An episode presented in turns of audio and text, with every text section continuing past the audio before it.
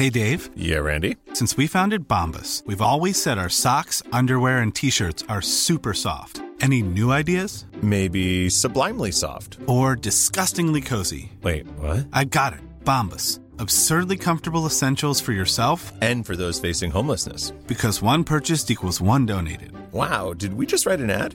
Yes. Bombas. Big comfort for everyone. Go to bombas.com slash ACAST and use code ACAST for 20% off your first purchase. Ready to pop the question? The jewelers at BlueNile.com have got sparkle down to a science with beautiful lab grown diamonds worthy of your most brilliant moments. Their lab grown diamonds are independently graded and guaranteed identical to natural diamonds, and they're ready to ship to your door. Go to BlueNile.com and use promo code LISTEN to get $50 off your purchase of $500 or more. That's code LISTEN at BlueNile.com for $50 off. BlueNile.com code LISTEN. Så att nej, alla har inte massa miljoner. Det kan låta så, men så är inte fallet. Du lyssnar på Rika Tillsammans-podden som handlar om allt som är roligt med privatekonomi. I den här podden får du varje vecka ta del av konkreta tips, råd, verktyg och inspiration för att ta ditt sparande och din privatekonomi till nästa nivå på ett enkelt sätt. Vi som gör den här podden heter Jan och Caroline Bolmesson.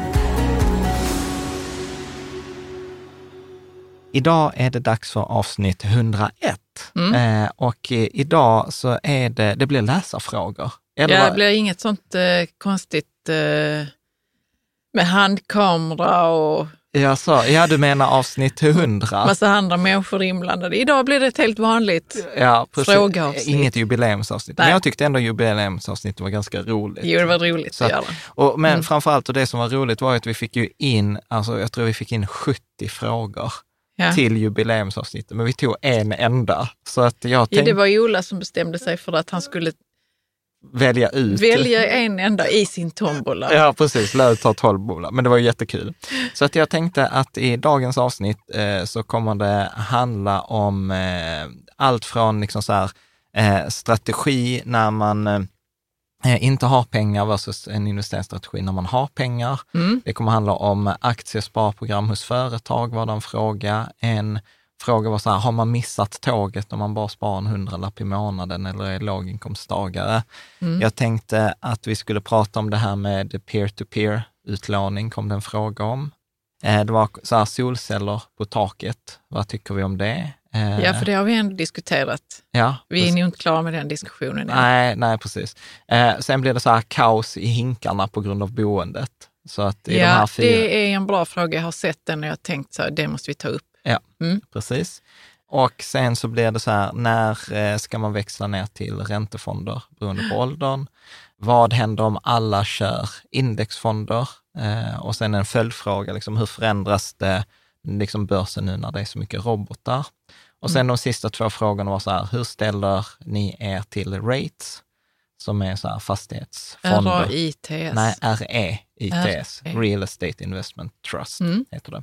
Och sen, vad finns i, i vår aktiva hink? Ja, och det ska vi tala om. Ja, precis. Så att Men det, vi börjar från början väl? Ja, precis. Detta är Mm. ju dagens, eh, liksom, dagens innehåll. Och jag tror att vi kommer ta, alltså detta är 11 frågor, vi har typ 60 frågor kvar här efter. Så jag tänker att vi sprider ut dem nu Ja. över liksom, de kommande veckorna. För många av frågorna är riktigt, riktigt bra. Mm. Och eh, sen så vill vi också uppskatta för alla glada tillrop, alla glada uppskattningar. Eh, jag har ju hållit en del föreläsningar, du har ju varit hemma med barnen, Mm. men jag har ju varit runt och hållit föreläsningar både liksom eh, på Fika Tillsammans och en hemkunskaps, eh, konferen- hemkunskapslärarkonferens och, och Mm. Volvo och andra företag. Och det är så himla roligt att höra, du vet, att bara, ah, men du vet, jag har kommit igång med mitt sparande eller nu har jag gjort de här förändringarna. Ja, du träffar människor som kommer fram till dig Ja, och, och, och säger. liksom så, så jag tycker att det är, ja, det är så himla coolt. Så Ja, vi är, vi är, är tacksamma för all, alla de Mm. fina orden och allt det stödet. Så att, tack. Innan vi kör igång, eh, så eftersom detta är lite som en frågespalt, eh, så är det viktigt att då komma ihåg att detta är inte liksom personlig rådgivning, att eh, historisk avkastning är inte en garanti för framtida avkastning, att man bör bolla med en finansiell rådgivare eller något sådant innan man fattar ekonomiska beslut såklart. Och eh, vill man, eh, vill man då läsa hela villkoren så kan man göra det på eh, riketillsammans.se villkor. Eh, då. Så att jag tänker att du kan få börja läsa första frågan från, från Emil. Ja. Kan det inte vara värt att ta upp att till exempel Warren Buffett-strategin är en bra strategi för att han redan har det stora kapitalet? 100 miljoner gånger 2 procent, det är ändå 2 miljoner till exempel. Inte svårt att tjäna stora pengar då. Mm. Eh, till exempel småspararna har kanske någon eh, som ett år lyckas med att få 300 procent avkastning, men kommer ändå bara upp i 60 000. Det måste finnas tips på hur till exempel unga, studenter, ensamhetsföräldrar och sådana kan ha en bättre strategi. Aktie och fondmarknaden är en marknad som gör rika rikare. Mm. Vad säger du om detta, Jan? Nej, men jag, tycker, jag tycker detta är en jätteintressant fråga, så det var Mm. därför jag också tog den eh, först från Emil. För att den kastar ljus på ett av de vanligaste liksom, misstagen som man gör. Och, det är, och jag har också gjort detta misstaget i många år. Och det är att tro att man ska ha en annan strategi i början av sitt sparande än vad man ska ha i slutet. Alltså att strategin ska ändras med beloppet. Och all Och du säger att det är, de, till exempel Warren Buffett gör inte riktigt det. Alltså, Nej, utan bara de- rena pengar. Ja, liksom. alltså de flesta, alltså de flesta framgångsrika strategier funkar på samma sätt oavsett om du har 1000 kronor, 100 000 eller en miljon. Mm. Alltså om vi tar till exempel, om vi tar Lysa som exempel, som den här fondroboten som vi gillar. Eh, där har du exakt samma fördelning, exakt samma investeringar om du investerar 100 kronor, om du investerar en miljon eller om du är liksom eh, 100 miljoner. Så strategin, investeringarna är samma. Och det är ju detta som jag tror är ett vanligt misstag för att man tycker i början att i absoluta tal så blir avkastningen så liten. Och med absoluta tal menar jag så att man investerar tusen kronor, för det är det man kan investera som då till exempel låginkomsttagare. När vi var studenter Ja, ja, så var det absolut. ju allt vi kunde investera. Det var ju någon hundralapp i månaden, någon hundralapp här och där. Mm. Och då tycker man liksom så här, det blir 10 procent, vilket är en jättebra avkastning på årsbasis. Men tus, 10 procent på tusen kronor, 100 kronor, alltså det kan man både vara och mista. Så man tycker att Man det tycker spelar, det, ja. ja. man tycker inte det spelar någon roll. Och det är då man vill ha de här 100, 200, 300 procents avkastning, så att det ska bli någonting. Men det är där som det är missat, för när det ska bli någonting, då är det mer eller mindre som att köpa lottsedlar. Alltså bara här veckan så var det ju någon jag bara såg på hotellet eh, på morgonen, eh, Dagens Industri, och då var, tror jag att det var några bolag, Powercell, som hade Och så gått var det ett omslag. Ja, precis. Att, Mm. att Powercell hade gått upp 83 procent dagen innan och småspararna liksom älskade aktien för att det var en stor rörelse. Och det, och det där är intressant. Småspararna Ja. älskar den typen av aktier. Det är därför många älskade Fingerprint och de här som kan stiga mycket. Professionella investerare avskyr sådana aktier, för de är helt oförutsägbara och, liksom, och förr eller senare blir man av med pengarna i dem. Så att, att leta de där 300 procents avkastningarna, det, det är en säker strategi att bli av med sina pengar. Mm. Och, och det är därför jag alltid tjatar om det här med långsiktighet. Att det är, liksom, det är på lång sikt man vill ha en strategi eh, som, som fungerar. Och, och jag håller helt med, det är skittråkigt att få 100 kronor i avkastning på ett helt år på de där 10 procenten. Men om man bara sparar tillräckligt länge så kommer de där 10 procenten bli till exempel 10 procent på en miljon. Mm. Och då har du plötsligt 100 000 kronor och då är det inte snutet ur näsan längre, för 100 000 det är, det är många månadslöner. Ja, absolut. Så, så, att, eh, så att jag skulle säga, och tittar man på Warren Buffett, så min upplevelse är att han har hållit samma strategi i alla år. Han gör fortfarande samma sak som han gjorde. Sen kan jag tycka att Warren Buffett är lite, det är en lite orättvis jämförelse eftersom Warren Buffett gör inte det de flesta tror att Warren Buffett gör, utan Warren Buffett köper hela bolag och då kan du få helt andra avkastningar. Han har inte 2 procents avkastning, utan det är Nej, många nej. procents avkastning plus att du kan styra hela bolagen. Och den tredje hemliga faktorn som de flesta inte vet med Warren Buffett, det är att han lånar pengar gratis. Och det är inte så himla svårt att köpa stora bolag och göra bra avkastning om du lånar gratis. Men, men det är ju liksom sidor, jag tror inte att det var det som var poängen heller i, i, i frågan. Men ska jag liksom sammanfatta så tror jag tror ju jättemycket på, och all forskning stödjer det, ha samma strategi oavsett eh, mängden pengar, oavsett vad som händer på marknaden. Enda gången man egentligen ska ändra en strategi, det är om målet ändras. Och vill man då tjäna mycket pengar, så det vet jag också, det har kommit frågor som kanske tar ett annat avsnitt, hur har vi gjort? Ja, vi har, vi har ju haft den här indexavkastningen de senaste åren. Ja, och vi har inte heller förkastat de små beloppen. Nej, vi har aldrig förkastat de små beloppen. Och då är det bättre att man då skiljer på, så hur kan jag tjäna mer pengar i mitt vanliga liv så att jag kan spara mer pengar? Det är en betydligt viktigare fråga. Och, och det är där jag tänker många gånger att liksom löneförhandla, byta jobb, hitta ett extrajobb, sälja saker på Blocket, eh, att eh, ägna sig åt det man tycker är roligt, ens hobby och sen försöka lista ut hur kan jag ta betalt för det. Så att det är mycket, mycket, mycket bättre än att försöka jaga de här eh, 300 procent. 300 procent eller aktierna som går upp 83 procent eller något annat. Alltså, för det, i längden är det som lottsedlar och du kan liksom inte repetera det. Utan låt, låt pengarna, var medveten att det är tråkigt att spara pengar, det tar tid, men vi ska ju alla bli äldre. Så vi kommer ändå liksom alla bli tio år äldre. Så, Så, så då det kan man lika- gärna då spara man lika pengar gärna, Då under kan man lika gärna spara Mm. pengar under tiden. Precis. Mm. Känner du, tror du att Emil kan vara nöjd med ja, det här jag tror ändå svaret? Emil kan vara... eh, Nöjd. nöjd. Så, att, så att det, det är ett klassiskt misstag, jaga höga avkastningar i början av sin sparkarriär. Tro att strategin förändrar sig. Att strategin, Mm. utan ha samma strategi och det ska vara, ju, ju tråkigare din strategi är, ju mer långsiktig den är, ju mer lat du är, ju mer passiv du är, ju mer oengagerad du är, desto mer pengar kommer du tjäna. Det Halleluja! ja, precis. Få som kan gå igång på det där.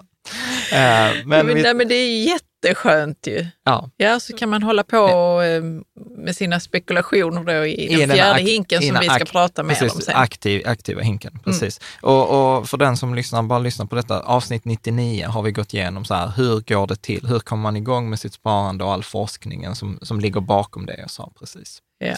Bra, ska vi Bra. ta nästa fråga? tar vi nästa.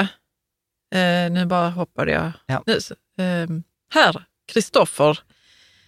Eh, någon, han frågar så här, någonting jag inte har hört er resonera omkring är olika företags aktiespararprogram.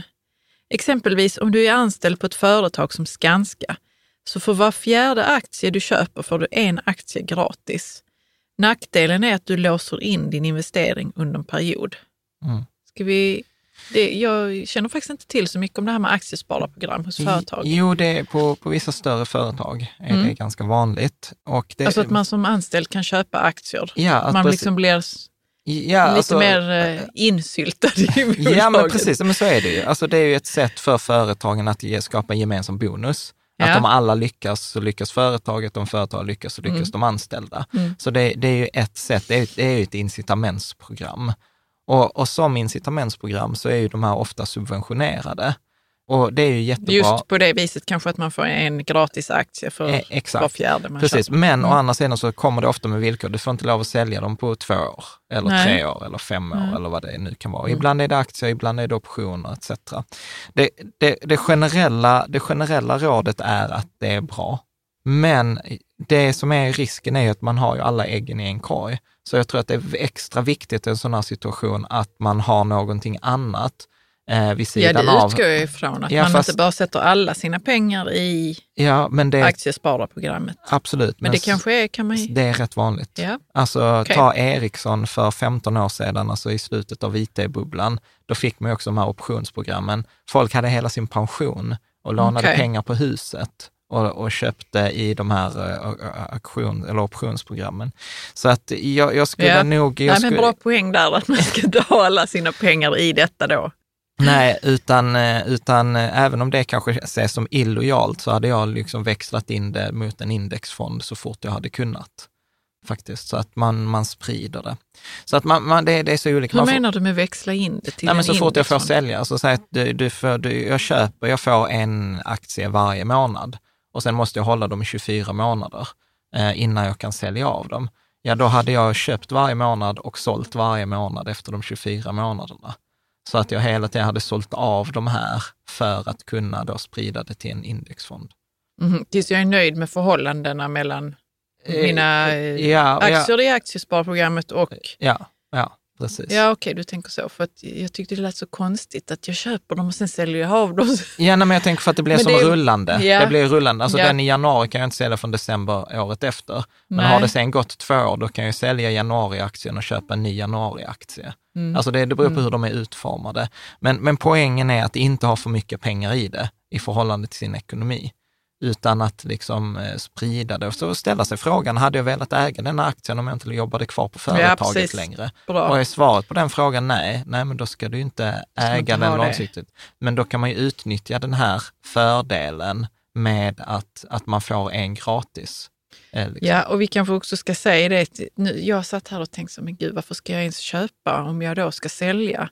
Mm. Men det handlar ju om... Att du får jag- ett bättre pris, du man får får ju ett rabatt. bättre pris och jag, kan, jag, jag vet att jag kommer kunna sälja aktien till ett Ja. högre pris när jag Ja, det, det vet du inte, för att aktiekursen kan ju gå ner. Ja, Så, jo, så men det, det med sådana stora företag är det, kan också gå ner. kan också gå ner. Ja.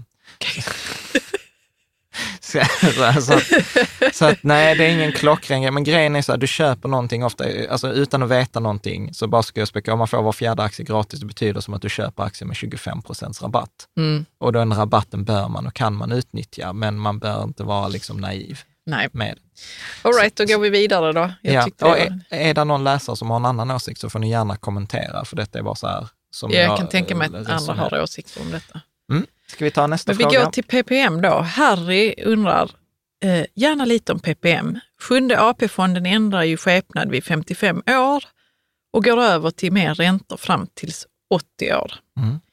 Att i 25 år stegvis minska avkastningen borde ju ge en magrare ålderdom.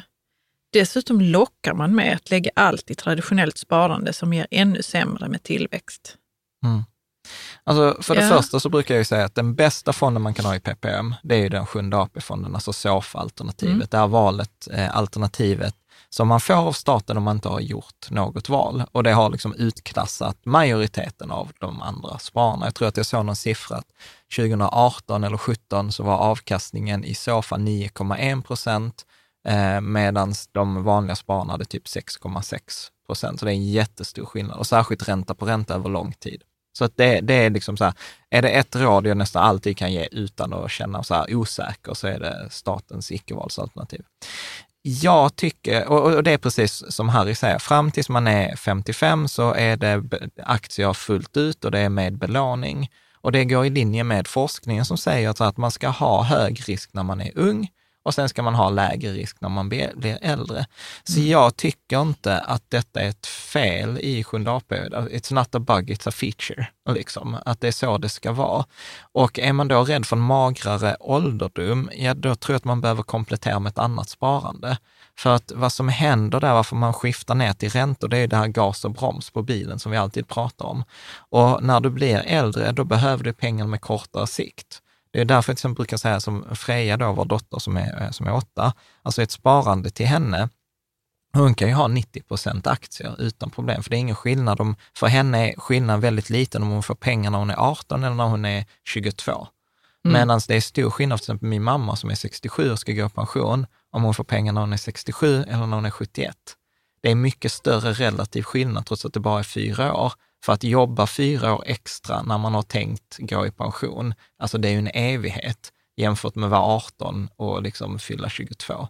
Så att därför måste risken vara betydligt lägre i ett sparande för min mamma i förhållande till vår dotter som är åtta.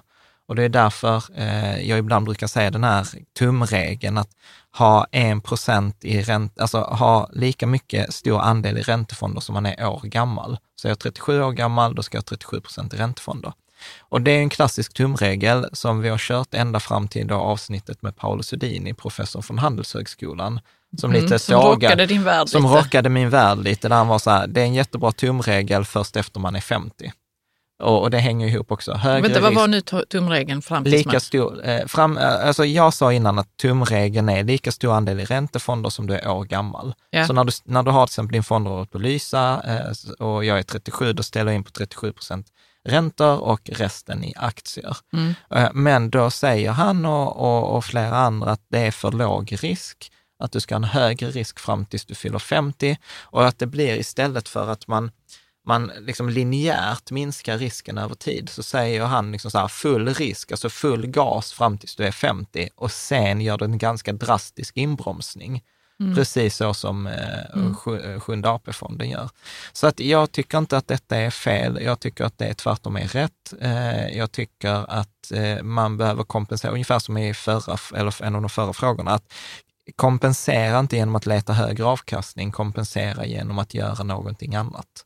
Eh, Men fallet. AP-fonden så att de drastiskt... Ja, Var har de fått det ifrån? Är det då forskning, forskningen? ja, forskningen är ganska tydlig på det där. Jag Om, om, tänkte, om, om, man räknar, om man räknar till hur många år är det tills du behöver använda pengarna. Ja. Sen är det ju så att är det att han känner så här, nej men jag har annat sparande, jag behöver inte mina PPM-pengar från de 15 år, ja då kan man ju byta bort från Sjunde AP-fonden SOFA, alltså från icke till att bara ha Sjunde AP-fonden, så man bara har aktieandelen. Mm. Och då kan du dra den till 100 procent. Så du kan liksom bypassa deras inställning. Det är bara när du har SOFA-inställningen som den, Som inte går, som, ja. som den minskar till räntefonder.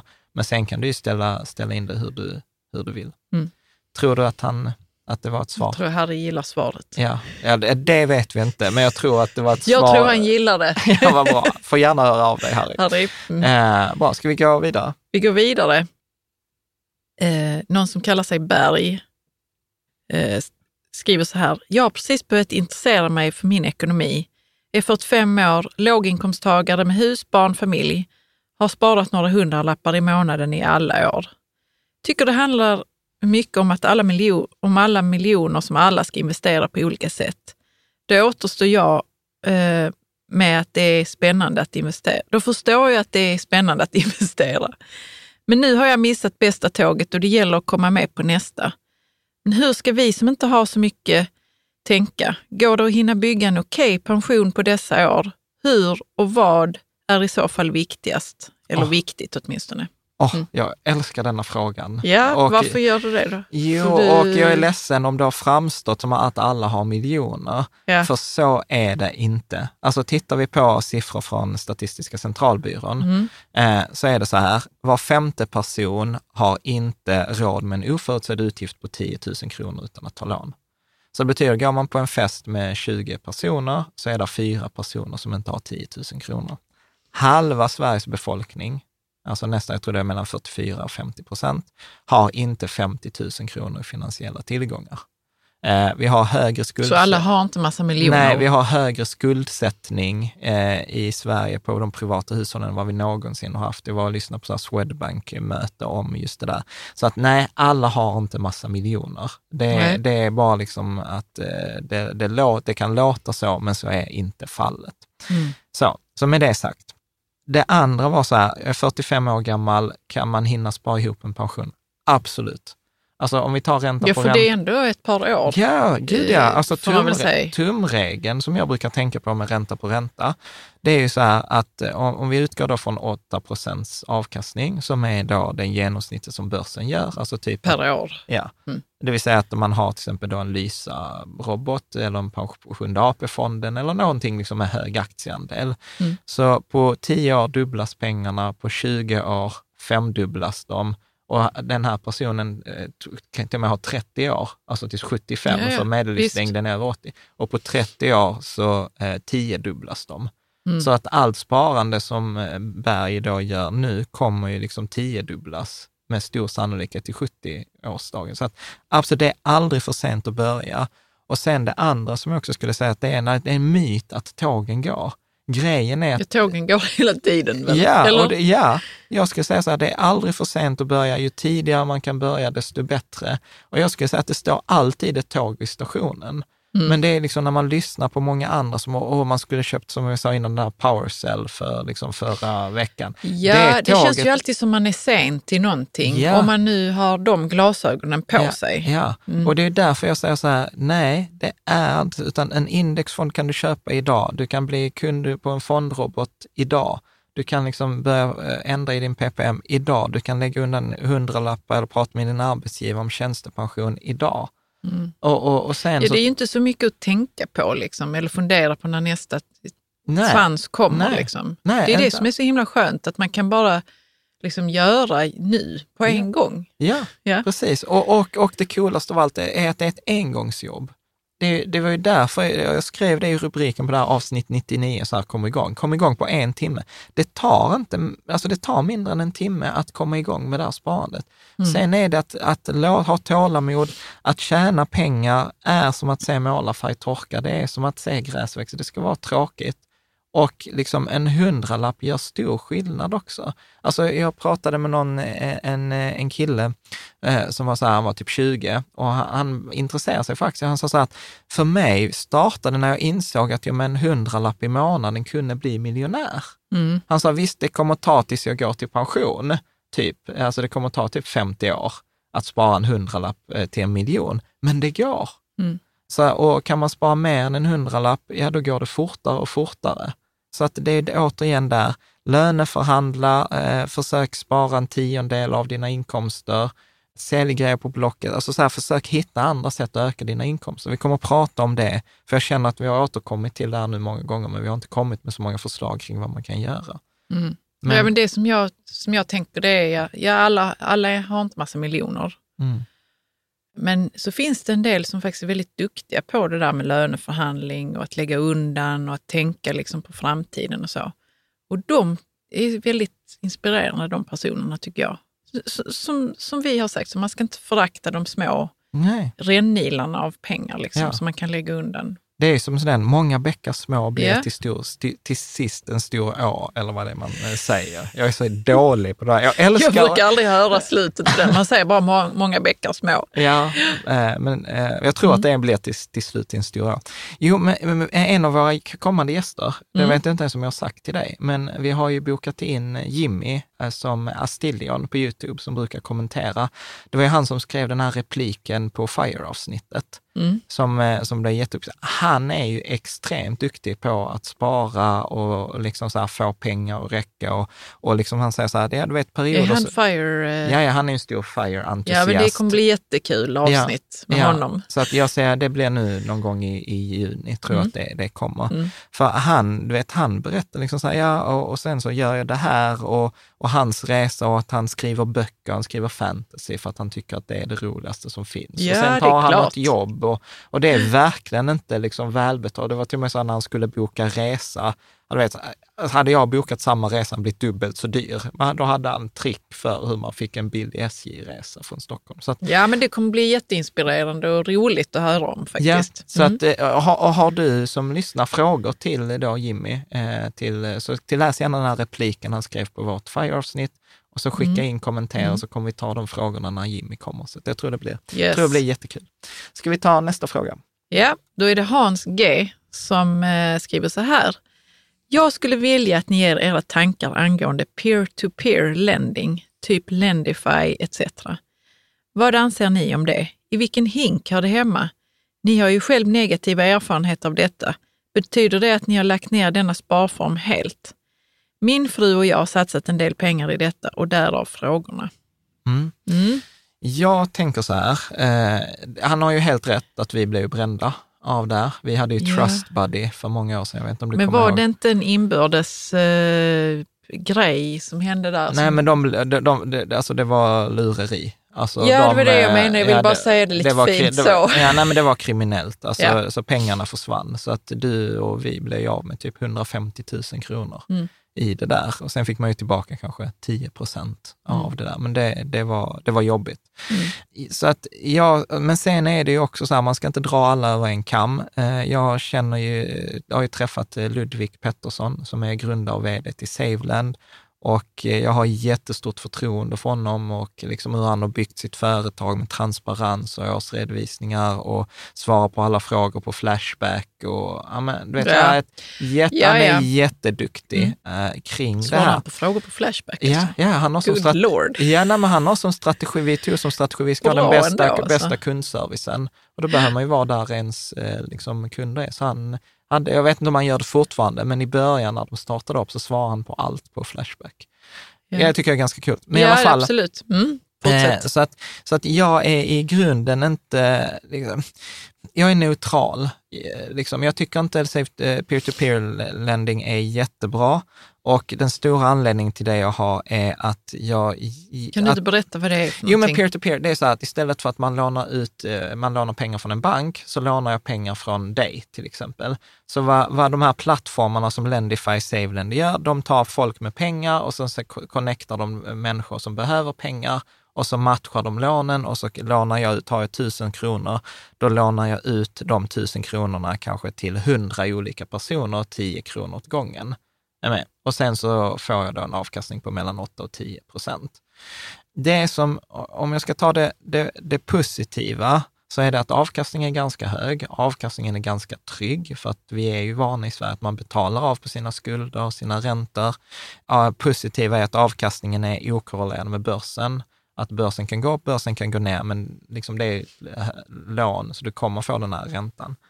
Det är väl det positiva. Det negativa eh, som jag kan uppleva är eh, att det är en alternativ investering. Så även jag vet att Ludvig kommer att protestera om jag säger det här, men du kan teoretiskt förlora allt. Det händer Men oss med står inte plattformen Nej. för någon slags eh, säkerhet? Nej, nej. De är ju inte Nej. inblandade i transaktion, de bara förmedlar. De, de är ju Men om, den, låneförmedlare. eh, men om den som har lånat inte betalar tillbaka? Då får du ju inte pengarna. Och det är därför man pratar om kreditförluster. Sen, Mm. sen är ju de här bolagen duktiga på att hålla kreditförlusterna nere, så de kanske är 2, 3, 4, 5 procent. Men, men det kan ändå hända. Det händer ju med Trustbuddy.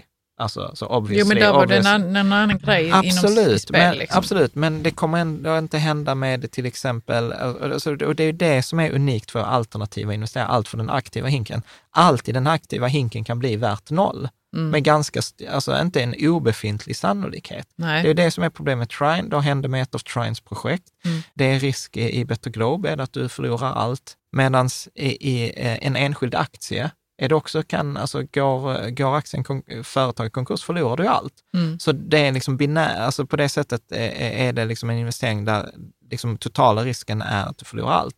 Sen kan man teoretiskt hävda det med en indexfond också, eller till exempel Lysa som en fondrobot.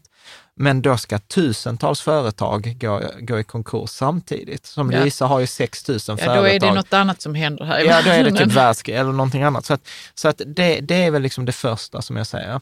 Det andra som jag har lite så här, som skaver för mig, vi, vi har lagt ett antal tusen i Saveland, eh, så att jag ska inte frisvära mig här från, från det. Men det är ju att man lånar ut pengar till människor som inte får lån på någon annanstans. För hade de fått Mm. lån någon annanstans så hade de ju hellre tagit det än att gå till, till, till ja, de här eller, le- eller är det, Ja, precis. Jag håller med om det. Men det är väl också att man gör små lån så att då, då går man inte till banken för då gör det ett litet lån, 10 000. eller Ja, alltså det, är, ju- ja det, är ju, alltså det säger ju många av de här plattformarna, så att vi är ett bättre alternativ än sms-lånen. Mm. Och det är de Ja, okej, det är ju åt det hållet ändå. Ja, alltså jag vill inte kalla dem för sms-lån, men, men det, det, det är konsumentkrediter, det är korta krediter, det är höga räntor. Eh, Mm. Annars hade vi inte fått 10 procent. Nej. Alltså det säger sig Nej. självt. Så Eh, att där, där, i, i det finns det en risk också menar du? Att, Ja, eller en risk, men man behöver liksom så här, är det vad jag vill att mina pengar ska bidra till? Alltså som till exempel på hos Trine eh, så är det ju en jättestor fördel att det är people profit eh, liksom planet. Mm. Här blir det, det, det är ungefär lite motsatsen. Ja, det är det ju verkligen. Men Mm. så ska jag då säga till exempel då till Saveland, jag kan inte så mycket om Lendify så jag, jag pratar om Saveland och vi har tidigare haft ett samarbete med, med Saveland men jag tror inte ens vår sponsrade länk funkar längre. Men i alla fall, så vad Saveland har gjort nu är att de gör factoring, att de lånar ut pengar till företag. För företag är ju till exempel så här att när du fakturerar, som för vissa stora svenska företag, så får du inte pengarna från 60 dagar eller 90 dagar Mm. på utfört arbete. Men du behöver ju betala lön i slutet av månaden. Ja, Och man har vet- ändå utgifter. Ja, och du vet att du kommer få in pengar. Då säljer man fakturorna, så får man in pengarna tidigare. Och då säljer, då är det rätt vanligt att man säljer för 1 procent till exempel. Och säljer du en 30 dagars faktura för 1 procent, att du säger att fakturan är på 100 000, då säger Saveland så här, vet du vad, du kan få 99 000, men du kan få dem idag, du behöver inte vänta i 30 dagar. Mm. Och då är ju 1 procent är ju rätt rimligt för företaget. Men 1 procent per månad är ju 12 procent på årsbasis. Så att factoring har jag, har jag inga problem att låna ut pengar till via de här plattformarna. Sen vet jag inte om Lendify har det, men jag vet att SaveLend har det. Och det tycker jag är schysst. Eh, och sen så vet jag inte om man kan styra att man bara finansierar factoring eller man finansierar konsumentkredit. Så att det är så jag tänker. Så sammanfattningsvis, jag är neutral till investeringen, men jag är, är jättenoga med att det är en alternativ investering. Det är inte en investering för bufferthinken, det är inte en investering för mellanrisk eller passiva hinken. Det är en alternativ investering för den aktiva lekhinken och ska behandlas därefter, det vill säga att man ska inte ha för mycket pengar i det. Det var mitt lilla brandtal om peer-to-peer. Känns det förståeligt? Ja, ja, jag kan säga att jag inte är sugen på peer-to-peer. Ja, men, Eh, Jag förstår att andra är det, men jag känner generellt så att det är för stor risk för att Ja. jag ska tycka att det är spännande. Då, Ja. Liksom, Ja, sen finns det ju andra sådana som vi har haft samarbete med, Tessin, alltså Mm. där man crowd, alltså finansierar fastighetsprojekt också, där räntorna är också något högre, men där är det att bankerna inte eh, lånar ut och då går det till exempel till bryggfinansiering eller man finansierar fastighetsprojekt och sånt. Så att, återigen, det, det kan höra hemma i en riskspridd portfölj för att det är inte börskorrelationen. Det är ett Nej. sätt att få avkastning även i dåliga perioder på börsen. Mm. Men, eh, men det är hög, hög risk och Mm. går ett projekt åt skogen, då kan man förlora mycket pengar eh, Mm. i det. Så att, Mm. ja, aktiva hinken. Ska vi ta nästa? Yes, Eh, då handlar det om solceller. Mm. Louise eh, skriver så här. Jag skulle vilja veta lite mer om hur ni ser på att investera i solceller på villans tak. Avkastning i form av lägre kostnad för köpt el samt intäkter för att sälja eh, el ger en bra avkastning verkar det som. När investeringen är avbetald finns många år med vinst. Är detta en bra investering? I vilken hink skulle denna investering ingå? Mm. Ja, men jätte, jättebra fråga. Mm. Eh, jag skulle väl så här generellt säga, jag gillar ju solceller, det går i linje med där vårt, det vi säger med klimat. Eh, Det är Mm. ofta en direktavkastning på kanske 8 procent. Vad betyder det med direktavkastning? Att, Eh, att du, du tjänar, säg att eh, jag har... Du sätter upp dem och sen... Ja, och precis. Och kostnaden motsvarar, liksom besparing motsvarar som att jag, får, jag sparar 8 000 kronor. Så på 100 000 kronor så sparar jag 8, 8 000. Så att jag är det, och det är som att investera till 8 procents avkastning. Mm. Du ser frågande ut. jag måste tänka så. Vad, vänta, eh, Nej, men vi kan ta exempel. Vi tog Mm. in offert på vårt hus. ja. Det skulle kosta typ 100 000 kronor Mm. Att, att sätta av, eller hur? Och så sa han så här, ja, och ni sparar, ni kommer att producera el i den förhållanden att ni kommer få 8 000 kronor mindre elräkning varje ja, år. det var ju så jag tänkte. Ja. Ja, Mm. så det betyder att avkastningen på de 100 000 kronorna är 8 procent. Mm. Efter 12 år är det hemräknat och efter 12 år så är allt till 25 år som är livslängden är vinst. Precis. Är med? Bra. Så, att, så på det sättet ekonomiskt bra affär. Jag skulle säga svårt att placera i någon hink, för man kan inte omvandla det till någonting, men mellanriskhinken possibly, liksom, eh, skulle jag väl säga. Sen tror jag också att allt, alltså, alltså fyra hinkar-principen är ju då avsnitt 47. Alltså det är ju inte svaret på allt. Alltså det är ju en metafor, det är en modell att tänka. Sen kan man liksom inte, allt passar inte riktigt eh, in. Eh, men sen skulle jag dock säga att det var som försiktigt, vi har inte solceller på vårt hus, för det visade sig att vi har, grannen har ett stort träd som skymmer 30 procent av vår, eh, vårt tak. Så att då var plötsligt effekten mindre. Sen pratade vi med en kompis som har lagt mycket solpaneler på kommersiella fastigheter och sånt. Och sånt så så här, det är bra, det är bra ur ett klimatperspektiv, men ekonomiskt så måste man ta hänsyn till att det säljs alltid in som det är underhållsfritt. Men inget är underhållsfritt i 25 år. Och bör man skicka upp någon som ska laga eller byta en sån här omvandlare, byta en sån här optimerarenhet, så kan det lätt äta upp ett par års vinst. Så att det är ingen, det är ingen liksom Men gör inte det graal. egentligen för pengarna kanske då? Nej, om man Nej. inte har så här fantastiskt söderläge och liksom en stor, stort tak. Mm. Alltså exempel när vi tittade på en eh, kommersiell fastighet där jag satt i styrelsen på ett fastighetsbolag, alltså där var det ju superlönsamt. Mm. Taket var stort, det var på söderläge, alltså det var ju perfekt. Mm. Men, men eh, på ens egen tak behöver man liksom räkna. Ja.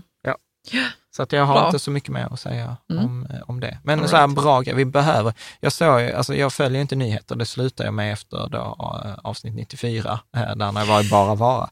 Ja. Men sen är det så att ibland tränger sig nyheterna på. Du vet, så man kan liksom inte hålla det ute. Och senast hörde jag att Per Bolund, eh, som då, han är väl språkrör Mm, på han är Miljöpartiet. språkrör nu för Miljöpartiet. Ja, han har förresten varit med i podden. Eh, Ja, men kul. då sa han att han inte ville bli Ja, språkrör. Men klassisk, anyway. klassisk eh, politiker. Ja. Men eh, att alla nya hus som byggs måste ha solceller på taket. Mm. Att det ska bli lag på det. Sen kan man ha åsikt om det är bra eller Men dåligt. för i Malmö så har vi ju brist på el snart. Nej, väl? vi har inte brist på el. Vi har brist på kapacitetsbegränsning i linan in till Malmö. Så till Mm. exempel man ville bygga två spår till mellan Malmö och Lund, Mm. men det går inte för att vi kommer inte kunna föra över så mycket el så att det tar de här tågen Nej. också. Så att eh, i Malmö har man stora problem, men det är överförings... Ja, okej, det är inte brist i- br- det är inte brist inte på mängden el. el, utan, men det skulle ändå vara bra för Malmö som stad Ja, ja. om fler skaffade Ma- sig egen Malmö, el. Malmö stad gör jättemycket satsningar på det. Jag känner på som är chef på miljöförvaltningen och de Mm. säger så här, vi måste göra det, inte bara klimatet, men vi får inte runt stan. Där ser man. Ska vi ta nästa? Ja, kaos i hinkarna. Ja, Nu så. Ja, eh, nu vet jag inte vem det är som har skrivit den här. han, men så här, han eller hon kallar sig för hinkkaos. Bra, bra. Jag har svårt att förstå hur man ska tänka med hinkarna och lägenheten. Jag har en lägenhet värd cirka 2,2 miljoner och ett lån på den på cirka 1,1 miljon. Min bufferthink är cirka 100 000 kronor och då blir värdet på mellanriskhinken 500 till 700 000 kronor. Ska jag räkna in hela lägenhetens värde minus lånet till den hinken? Jag kommer alltså inte ha något mer i den hinken än de pengarna som är bundna till lägenheten. Det är frågan då. Hur ska jag tänka med de 400 till 600 000 som inte får plats i den hinken? Vart hamnar de? De pengarna är ju också bundna i lägenheten och går därför inte att investera i fonder. När jag förstod att boendet skulle räknas med i hinkarna blev det plötsligt svårt med hinkarna från att ha varit enkelt. Ja. nu var det mycket siffror där. Och Ja, men jag kan försöka så. förklara. Ja, men, förklara men, men, men, men så, här, så här tänker jag. Återigen, det är kanske någon läsare som har en bättre idé. Detta är så Mm. här work in progress. Och återigen, man kan inte, det är en modell. Alla modeller har begränsningar. Detta är en av begränsningarna. Så ett sätt jag vet vissa läsare gör, det är att bara de skippar boendet. De Alltså tar det- inte med boendet de i tar inte hinkarna. med i boendet i hinkarna. Och så är det Nej. färdiglöst. Liksom. Och så har man bättre ekonomi än vad hinkarna visar. Fine. Andra Ja. läsare, eh, som till exempel i detta fallet, alltså det är så svårt att säga någonting eh, kring vad som är rätt, så att jag bara resonerar. Så i detta fallet, om bostaden är värd 2,2 och man har lån på 1,1, det betyder att övervärdet är 1,1. Ja. Det betyder att mellanriskhinken är liksom 1,1 miljoner, men den ska egentligen bara vara 700 000. Liksom, vilket är då ett problem. Det problemet skulle man ju kunna lösa genom att belåna lägenheten. Om, särskilt om man är ung och har en bra jobb och ekonomi, då skulle man ju kunna belåna lägenheten och investera de pengarna. Det är ju ett sätt att göra det. Det är ju inte alla som köper två, en lägenhet för 2,2 miljoner och 50 procents belåning. Nej. Tvärtom har jag de flesta 80 procents belåning. Så det är ju ett sätt att lösa det. Ett annat sätt att lösa det är ju, det är ju att säga så här, ja men mellanriskhinken är vårt boende och sen gör man allt sparande i den passiva hinken, så man har inga kontanter i mellanriskhinken. Men då kan man säga så här, men, eh, om man, men då, hur fyller man på bufferthinken? Ja, men då skulle man ju kunna fylla på bufferthinken genom att låna upp 100 000 på lägenheten och så kan man fylla bufferthinken om man har behövt ta ut de där 100 000 kronorna. Så att detta är ju liksom lite olika sätt hur man, Man kan, tänka. lite. Jag Men du, ett- vad, vad är, hur mycket säger vi ska vara i mellanriskhinken nu? Eh, fe- Fem till sju gånger bufferthinken. Ja, så var det. För att, mm. Ja, så att det är så läsarna har resonerat också. Mm. Sen kan man återigen, eh, nu, är, nu har vi alltid en preferens för lågrisk safe, men är man en ung person, och ung i detta fallet är faktiskt under 50, för då är vi tillbaka på den där, rekommendera full, full karriär fram tills du är 50, sen en drastisk eh, risksänkning. Mm. Då kan man ju också argumentera för att är man under 50, ja, då ska man inte ha någon mellanriskhink. Utan har man jobb och man klarar sig och man har sin bufferthink och man kan fylla på bufferthinken från sin lön etc. Ja, då ska man ju ha så hög risk och så hög avkastning som möjligt och då ska man köra passiva hinken. Så att det är ju ett sätt. Men å andra sidan sover man då dåligt på natten för att eh, liksom, man tappar 50 procent i den passiva hinken, som kan hända på 12 månader. Mm. Då bör man ju ha mer i den mellanriskhinken. Ja. Så att, Så, det beror mycket på ens kynne helt enkelt. Ja, Alltså, ja precis. Men, men, men liksom grundregeln är ju så här, är man ung, har man mer än tio års sparare och sånt, då kan man ta högre risk. Och sen att, att inte vara så fixerad i att pengarna är låsta i, i huset, utan man, man kan faktiskt använda huset som en, jag hatar att säga detta, men som en bankomat. Mm. Tyvärr är det ju många som har använt det som bankomat till konsumtion, alltså bankomat för att köpa bil, bankomat Ja, för precis. resa. Det beror vad man använder pengarna Men- till. Ja. Men, men att eh, liksom låna då liksom 100 000 och kanske ha ett bolån på 1,5 procent och sen investera och så vet man att långsiktigt så ger börsen kanske då 8 procent. Ja, då är det värt den risken så att man kan tjäna mellanskillnaden. Mm. Så att, eh, men återigen, man behöver veta vad man gör man, och liksom inte överskatta sin risktolerans. För det värsta man kan göra det är att investera, det faller och så tar man ut dem. Alltså att man Ja. freakar ut. Ja. Och man ska inte överskatta sin egen risktolerans. Nej. Bra. Mm. Jag tror du att det kändes som ett svar? ja, det tror jag. Bra, då tar vi nästa. Eh, då kommer Kristoffer och LBG. Mm. Eh, jag eh, har 11 år kvar till pension, det vill säga 65 år. Har 85 procent global aktieindexfond, 10 procent kort räntefond, 5 procent guld. När tycker du man ska växla ner till mera räntefonder? Förmodligen lever man, man några år efter 65, så att växla ner till 65 känns lite tidigt. Mm. Vad har du för åsikt? Ja, då ska jag säga samma som vi har pratat om, den här tumregeln. Eh, liksom antingen 10 procent i aktier per år man kan låta pengarna vara. Så är det så att till exempel eh, han eh, eller hon, han, Kristoffer, tänker så att men de här pengarna behöver jag inte få när jag är 75. Ja, men då kan man ju köra full karriär ända fram tills man är 65. Mm. På precis på detta sättet. Och sen kanske när han är 67, det vill säga det är åtta år kvar till man ska använda ut pengarna, då börjar man sänka, sänka eh, aktieandelen och öka ränteandelen. Sen har vi också gjort ett helt avsnitt som, handlar, som heter uttagsstrategier. För det finns massa tankar kring hur man kan plocka ut eh, pengar. Hur mycket pengar kan man plocka ut från sitt kapital och fortfarande vara säker på att pengarna räcker? Och om jag, detta måste man kolla, eh, så man inte tar mig på face value. Men om, Face value. Ja, men så Ja. heter det på, på engelska. Eh, att om man har en 60-40 eller, nej, om man har en 90-10-portfölj, om man har en 90-10-portfölj som detta nästan är, då ska man kunna plocka ut typ 4 procent om året och fortfarande vara säker på att pengarna räcker i 30 år. Mm. Så att det är också en variant att, eh, att tänka att man eh, tar en sån här uttagsstrategi. Så allt beror på de andra omständigheterna än det här. Hade det bara varit det här, då hade jag sagt så här, 10 procent aktier per år, du kan låta pengarna vara kvar. Bra, jag tror inte det är så mycket mer att säga faktiskt. Nej, Vad känner Nej du? jag bara tänkte så, gud, tänk om man bara hade vetat så, nu har jag tio år kvar Ja, att man i får, livet. Så. Ja, Nu, och så har jag si och så mycket pengar. Det är bara ja, ha det härligt. ja, precis. Men vi vet ju inte det. Nej. Så att Ja, vi lämnar kan- ju säkert efter oss någonting förhoppningsvis ja, i alla fall. Ja, nej, men så kan man prata. Det där är ju också ett återkommande grej som jag fortfarande jobbar på vid sidan av, att man gör en sån här livsplan liksom, Mm. kring, kring det där. Ja. Bra, ska vi ta nästa? Ja, Holger undrar, eh, eller han skriver så här, jag har funderat lite på vad som skulle komma eh, hända om allt fler börjar investera i indexfonder. Om jag idag köper en indexfond så får jag ett genomsnitt av alla investerare som för det mesta är aktiva. Men vad skulle hända om alla investerade enligt index? Själv tänker jag att marknaden borde vara självreglerande. När andelen passiva investerare ökar så borde marknaden bli mindre effektiv och då blir det lättare för aktiva investerare att hitta bolag som är felvärderade, vilket får pendeln att vända tillbaka till aktiva investerares fördel. Vad har ni för tankar om det här, eh, ni som investerade mest i indexfonder? Kan du Eh, inte reda ut lite där? Alltså, jo, om så- alla skulle investera i indexfonder, Ja, så, vad, så, vad, då, så, vad som skulle hända då? Ja, så här, jag tror att det bara är teoretiskt. Eh, Ja, för det skulle inte exempel. För kunna för det- så, ah, ske i Jo, det skulle eller? kunna ske, men det är helt osannolikt. Alltså, man började med indexfonder på 70-talet, vi har hållit på med indexfonder i 45 år eh, och vi har, jag tror vi är uppe i mellan 15 och 20 procent totalt.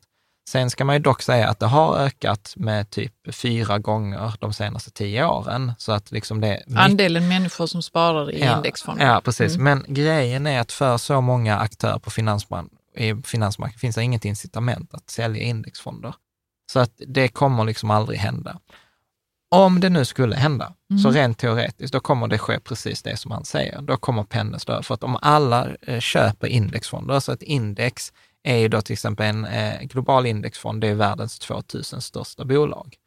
Eh, sen har jag för mig att det finns typ, jag vet inte, 20 eller 30 000 bolag, så det betyder att det finns 28 000 andra bolag.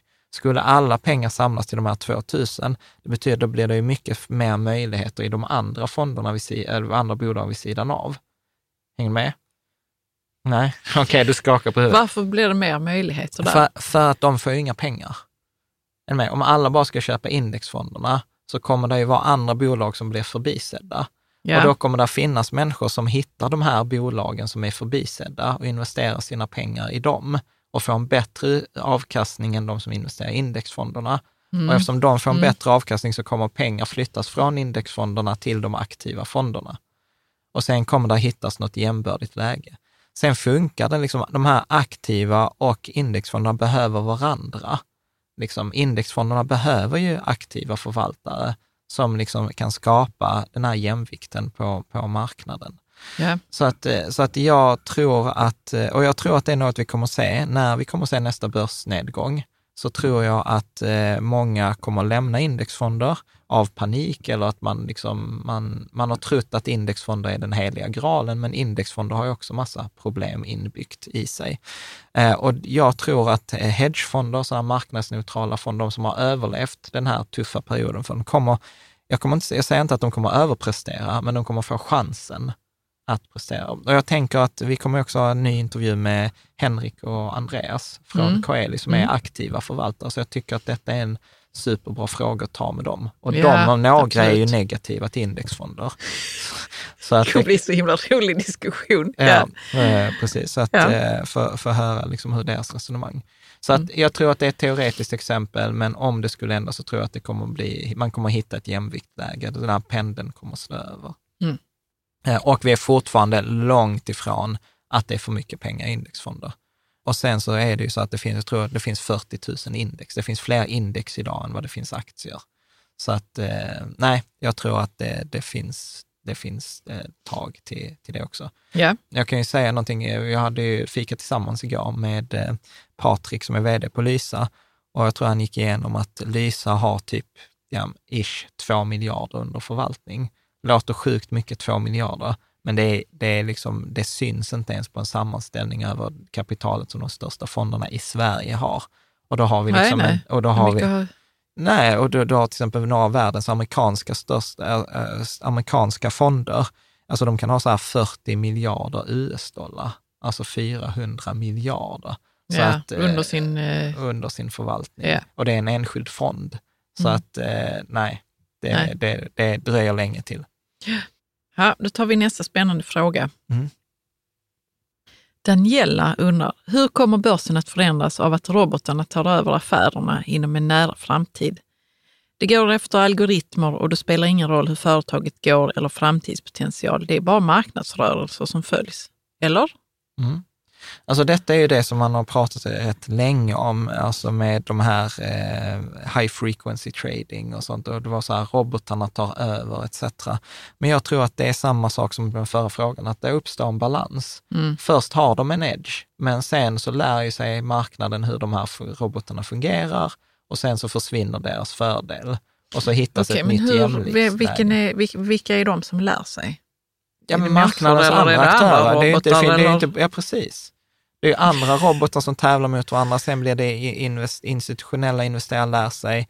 Till exempel detta, va- varför jag tror jättemycket på indexfonder, eh, det ska jag ta upp i ett annat avsnitt faktiskt, jag har funderat jättemycket på det här, är att förr, alltså när till exempel, eh, vad heter han, Warren Buffett eller, eh, vad heter han, eh, Åh, nu står det, Nej. Benjamin Graham, som är så här urfadern för investeringar.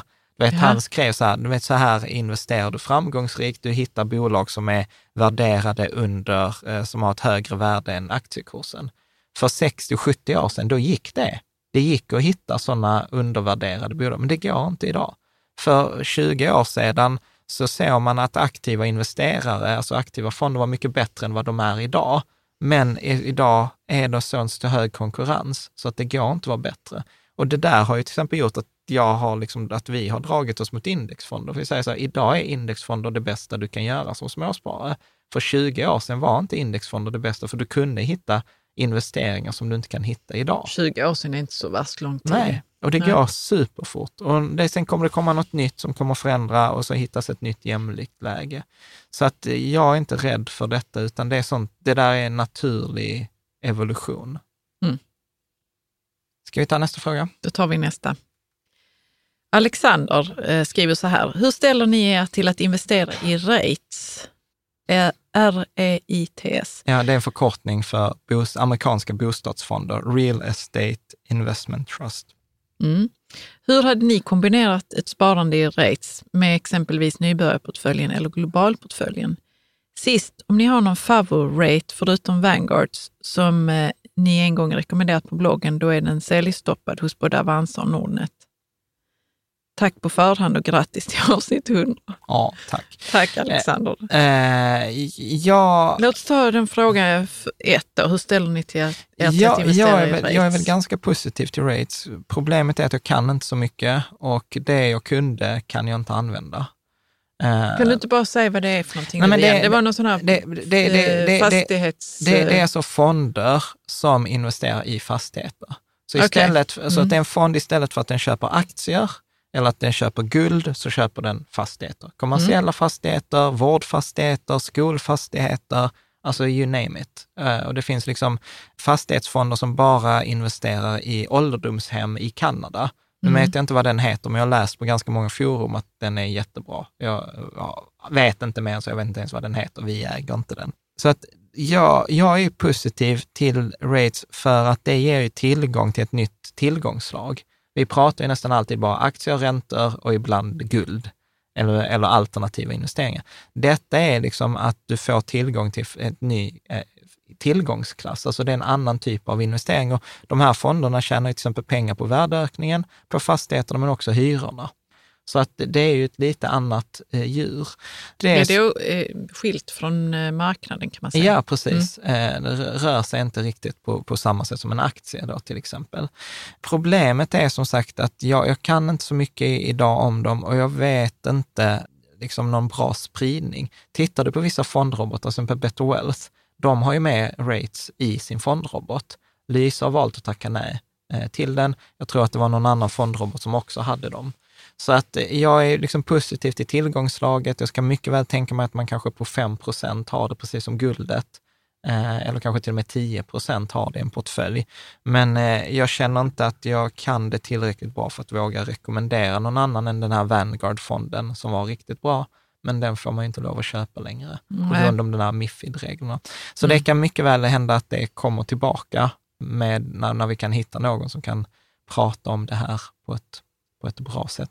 Mm. I Sverige så har vi, jag tror Svenska bostadsfonden, återigen så här alternativ investering, du kan förlora allt, är typ en rate.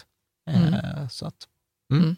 Så att positiv, Får jag absolut. bara fråga om Vanguard? Om man, äg, om man ägde Vanguard innan eh, Mifid-lagarna kom om transparens och så, Ja.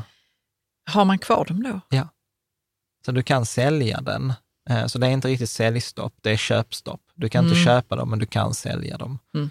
Absolut. Ja. Bra, Okej. jag tror att eh, sista, sista frågan. Ja, och den är, kommer från Jakob. Hur ser er aktiva hink ut? Innehåller den vanliga aktier eller är det där ni har Better Globe och annat? Eh, ja, till både och. Vi har Eh, både aktier och Better Globe. Ja, nej men, eh, precis. Vi har då Better Globe har vi där, vi har Trine, Mm. eh, vi har eh, Saveland, eh, som sådana den här peer-to-peer eh, factoring. Vi har Tessin, eh, har vi lite. Vi har guld, fysiskt eh, guld via då Bullion Vault. Vi har... Sen har vi väl Frejas aktier. Nej, jag har sålt av dem. Jag sålde, jag sålde Mm, av dem. Men vi har Eh, mina te- Tesla-aktier i alla fall. Ja, precis, fast det är ju en aktie eller två, så det Två. jag räknas knappt. Det, det är roligt att ha den under lång tid och se liksom, vad Ja, stod du- på du- när jag ja, du har köpte gjort, den. jag, jag tror du har gjort över 100 procent på den. Ja. Att, eh, ja, det är väl inte så... Det, Ja. det är inte så många som skulle höja på ögonbrynen Ja. till det. Men, ja. Men det, men, men det är där aktiva hinken som vi har lite mer... eh, eh, Ja, Grejer som, är, som vi gillar. ja, onoterade bolag Mm. eh, har vi där. Våra egna bolag räknas ju in där såklart. Eh, andra onoterade, ja, andra onoterade innehav. Eh, private equity, den skulle man egentligen kunna sätta i någon annan hink. Eh, men det jag har vi måste där. bara tänka, så vad är private equity nu? Eh, Det var ju det... Åh, det bara kommer inte upp någonting. Nej, men det var det där är det. avsnittet med Infrea. Att man äger Ja, ett ja. bolag som vars affärsidé är att köpa upp andra bolag. Och så köper de de bolagen för en eh, värdering på fem gånger pengarna till exempel. Och sen packar de ihop dem till, en, eh, till ett fint paket, sätter det paketet på börsen och det är samma bolag som innan var värd fem gånger pengarna, värd tio gånger pengarna. Mm. Så har man dubblat värdet. Det var ju detta den metaforen när Infrea, eh, när vi hade Tony här som är vd på Infrea, då han berättar så här, en hundralapp i min plånbok är mer värd än en hundralapp i din plånbok. Mm. Ja, Eh, liksom, jag minns att- det. Men varför heter det private equity? För att det är utanför börsen och det är privat kapital, equity är ju kapital eller aktier. Liksom, så att det är ju där. Men de är ju ofta, alltså det är så, det är så höga trösklar. Eh, vi kommer ju med på kontakter och, och liksom goda vänner. Mm. Ja, det är väl det. Och sen, och sen har vi ju massa liksom restgrejer också i den aktiva hinken. Vi, har, vi försökte investera i en kycklingfarm i Uganda. Eh, vi hade köpt kameler och getter och ja, massa, massa Det är sådant. sånt som gör livet värt att leva. Ja, precis. Det är mycket roligt i den där, men eh, periodvis har det varit för mycket. Men det är ju den klassiska, antingen så har man ofta för mycket pengar i bufferthinken eller den aktiva hinken.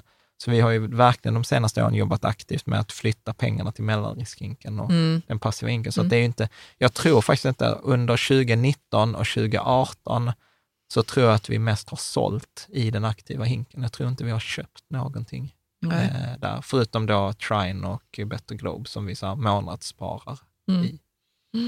Ja, Mm. så att det var, hoppas Så det, var var svar det. på den frågan. Jakob, Bra, då är det, då, eh, liksom så här, tack för alla de här frågorna. Vi Ja, kommer återkomma. Fick du inte med din fråga så det kommer fler avsnitt med sådana här frågor.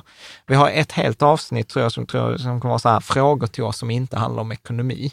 Så det kan ju också vara lite spännande. Mm. Vill man hänga med oss i framtiden, eh, liksom tryck på prenumerera i din poddspelare eller tryck på Youtube här, tryck på prenumerera på kanalen. Nyhetsbrev, på, gå in på riketillsammans.se, överst har vi så här anmäl dig till nyhetsbrevet, kommer typ en gång i månaden. Och sen på Facebook eh, skriver jag liksom då och då. Många av de här Mm. frågorna kom faktiskt från Facebook, eh, så att det är jättekul. Och eh, återigen tack till våra eh, patroner, Mm. eller de som stödjer oss via Patreon. Vill du ta kort vad Patreon är? nej, det får du göra. jag, jag kan aldrig formulera mig så bra. Jo, men det är en eh, men- sajt. Ja, men Patreon, Tar du det, Jan? Ja, men Patreon det är ett sätt för eh, er som tycker att vi gör ett bra jobb, som, vill, Mm. liksom, som sponsrar oss genom då till exempel en summa motsvarande fika eller en kopp kaffe. Mm. Och det gör det ju möjligt för oss att vi inte behöver ha liksom, reklam, vi kan göra kostnadsfria avsnitt, vi, eh, vi kan göra eh, som det här avsnittet. Mm. Liksom, det är ju inte, detta är ju rent ekonomiskt, om man bara ska isolera detta avsnitt så är det ju ren förlust. Mm. Alltså vi har produktionskostnad, vi har transkriberingskostnad. Det var till en fråga på Fika Samman. Hur gör de med transkriberingen? Är det en dator eller gör de det själva? Ja, det är Ja. gjort av en människa ju. Ja, det är Elin. Eh, Så tack Elin eh, som transkriberar alla våra avsnitt. Sitter och lyssnar och skriver ner ord för ord. Sitter rubriker och redigerar. Gör Hon är enormt- rätt snabb på tangenterna. Ja. Eh, Ja. Och detta gör hon varje vecka för oss. Så Ja. att hon är grym. Eh, Men, eh, men Patreon, eh, kan jag Ja. tillägga, där kan man ju liksom, det finns ju roliga grejer man kan stödja där. Ja, massa, Inte, inte bara oss. Inte bara oss, utan Men- där finns massa konstnärer och andra bloggar och Ja, sånt där. Så precis. det är ett sånt etablerat eh, sätt. Så man kan, Sätt, kolla, ja. ja, så man Ja. kan kolla på patreon.com snedstreck rika tillsammans. Mm. Eh, ja, just det. Patreon.com snedstreck rika tillsammans. Gud vad van man vill säga, riketillsammans.se, men så är det inte. Och eh, kommande avsnitt eh, så har vi, ja, det är också många läsare som säger, kan ni inte berätta i förväg vilk, vad ni har det, tänkt? det vill vi absolut göra. Så nu kan vi Mm. avslöja, vi har en eh, före detta vd för en stor svensk mäklarfirma som eh, då kommer vara med i podden och vi kommer att prata om eh, boende, bostadsrätter, banklån, eh, mäklarbranschen. Alltså det, det kommer vara jättespännande också för att det har varit mycket i media Ja. eh, kring det här med bostadsrätter och Ja. ekonomin. Och det är alltid roligt med någon som liksom har lämnat eh, branschen eller Ja, gör och som kan annat. liksom ärligt titta tillbaka på något Ja, vis. så Mm. att det kommer att komma. Sen har vi redan varit inne på att Jimmy eh, Astillion. Kommer, vi kommer Om att prata Fire. om FIRE och Mm. hans sätt och hur han tänker. Men det är jätteroligt att ha någon som är, är, är en fire. Ja, precis. Och Ja. som, är, som följer bloggen. Så han är ju så han kommenterar på varje YouTube-avsnitt. Så tack Jimmy, shoutout eh, där. Mm. Och eh, sen så kommer, boka in bara för någon dag sedan, Henrik och Andreas också på ett läsartips. Eh, kan ni inte bjuda tillbaka Andreas och Henrik från Ja, för det var Coeli? ett tag sedan vi Det pratade med mm, Det är ett år sedan. Eh, och de förvaltar ju den här Coeli Global Selektiv. Så det skulle vara roligt att prata med dem. Så att är det så att du har eh, frågor eh, liksom till de här, skriv dem i kommentarsfältet eller mejla dem eller liksom skriv dem så att vi kan få dem. Och sen Ja. så kommer vi ta upp det, Mm. eh, helt enkelt. Bra. Där var liksom återigen lite mer än en timme, men det är svårt med den där tim- Ja. timgränsen. Ja. Men tack så hemskt mycket för att Tack. du har lyssnat och tittat och så ses vi nästa söndag.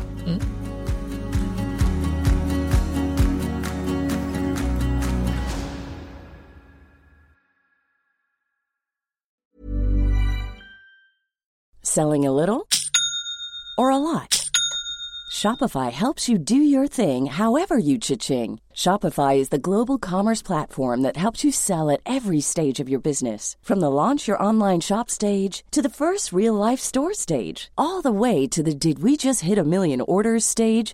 Shopify is there to help you grow. Shopify helps you turn browsers into buyers with the internet's best converting checkout. 36% better on average compared to other leading commerce platforms because businesses that grow grow with Shopify. Get a $1 per month trial period at shopify.com/work. shopify.com/work. Hi, I'm Dory Shafrir, And I'm Kate Spencer. and we are the hosts of Forever 35. And today we're talking about Club Med, the best all inclusive getaway for families. Today, Club Med has nearly 70 resorts worldwide, from beachside resorts in the Caribbean and Mexico to magical locations in the Maldives and Morocco to ski resorts in the mountains from Canada to the Alps. Between their all inclusive family programming, wellness offerings, land and water sports, and their French heritage inspired food and drink offerings, Club Med is the best way to elevate your family getaway, no matter which location you're at.